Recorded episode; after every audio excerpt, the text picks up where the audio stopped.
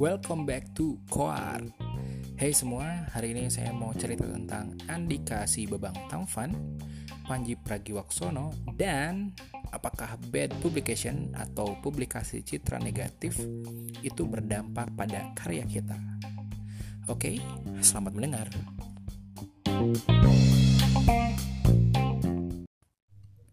Tadi siang, saya baru selesai nonton ngobam.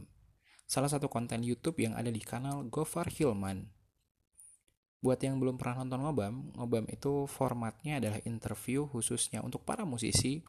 Durasinya kurang lebih sekitar satu jam. Nah, yang menarik adalah bintang tamu kali ini yaitu si Babang Tamfan alias Andika. Andika X Kangen Band.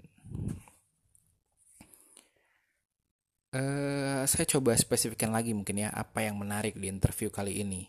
Jadi yang bikin menarik adalah jawaban atau tanggapan Andika atas pertanyaan-pertanyaan si Gofar. Ini di luar ekspektasi atas persepsi atau pandangan saya tentang Andika. Yang akhirnya di akhir interview saya berkesimpulan, saya punya persepsi atau pandangan lain untuk Andika. Buat yang penasaran bisa langsung nonton ngobam di kanal YouTube-nya si Gofar Hilman. Nah, ada satu hal yang bagi saya menarik buat dibahas dari keseluruhan interview bareng Andika, yaitu tentang bad publication.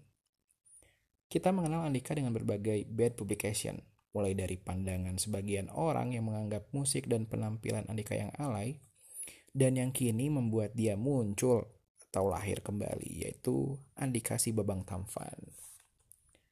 Dari obrolan ngobam tersebut, ternyata membuktikan bahwa publikasi citra buruk atau bad publication adalah ya tetap publikasi. Publikasi citra buruk yang diterima Andika eh malah justru memberikan dampak positif terhadap Andika sebagai sebuah brand. Brand Andika sebagai Bebang Tamfan membuatnya kembali eksis di dunia hiburan. Hal yang mungkin bisa saya bilang serupa juga dialami Panji Pragiwaksono.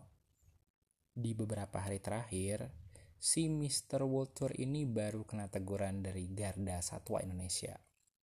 Buat yang belum tahu kenapa Panji ditegur, ini berkaitan dengan beat stand up dia yang bahas tentang Panji benci hewan gembel. Aduh, emang sekarang orang-orang tuh mulai gampang singgung. Dari berbagai tema yang Panji angkat, kok malah yang justru bikin bad publication adalah soal kucing yang suka minta-mintain makanan pas kita makan. Oke, kita balik lagi ke topik. Nah, jadi dari viralnya teguran tersebut, ternyata nih, penjualan digital download Pragiwaksono Tour dalam satu hari itu sama dengan penjualan digital download tour sebelumnya yang dijual dalam waktu satu minggu. Gila.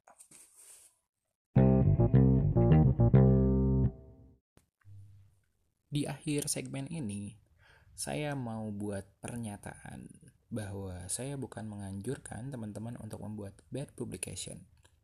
Tapi, dalam setiap karya pasti ada yang suka, ada pula yang gak suka. Tugas kita adalah terus bikin karya. Yang suka karya kita akan mengapresiasi karya kita.